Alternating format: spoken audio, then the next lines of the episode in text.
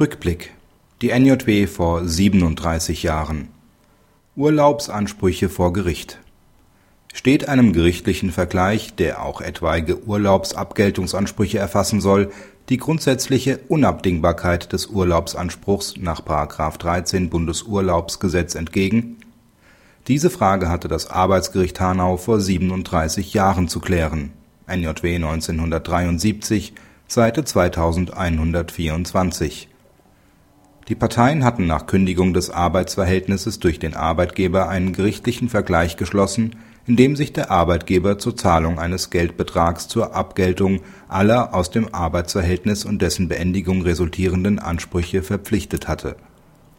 Gleichwohl machte der Arbeitnehmer in einer weiteren Klage die Abgeltung seines anteiligen Jahresurlaubs geltend, jedoch erfolglos. Denn nach Ansicht des Arbeitsgerichts Hanau hatte der Arbeitnehmer in dem gerichtlichen Vergleich trotz § 13 Absatz 1 Satz 3 Bundesurlaubsgesetz wirksam auf den in Rede stehenden Urlaubsabgeltungsanspruch verzichtet. Einem gerichtlichen Vergleich komme im Arbeitsgerichtsprozess aufgrund seiner streitschlichtenden, den Arbeitsfrieden fördernden Funktion eine überragende Bedeutung zu. Dahinter müssten auch aus § 13 Absatz 1 Satz 3 Bundesurlaubsgesetz hergeleitete Bedenken gegen die Wirksamkeit eines Vergleichs über Urlaubsansprüche zurücktreten.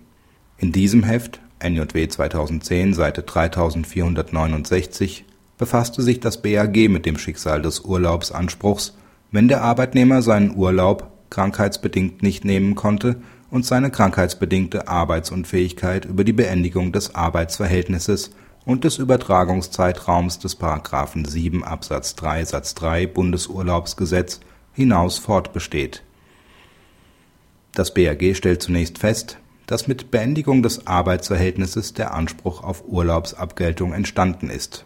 Dieser Anspruch werde auch nicht dadurch berührt, dass die Arbeitsunfähigkeit des Arbeitnehmers bis zum Ende des Übertragungszeitraums am 31.03. des dem Urlaubsjahr folgenden Jahres fortdauert, so das im Hinblick auf die Schulzhoff-Entscheidung des EuGH (NJW 2009, Seite 495) wenig überraschende Ergebnis des Gerichts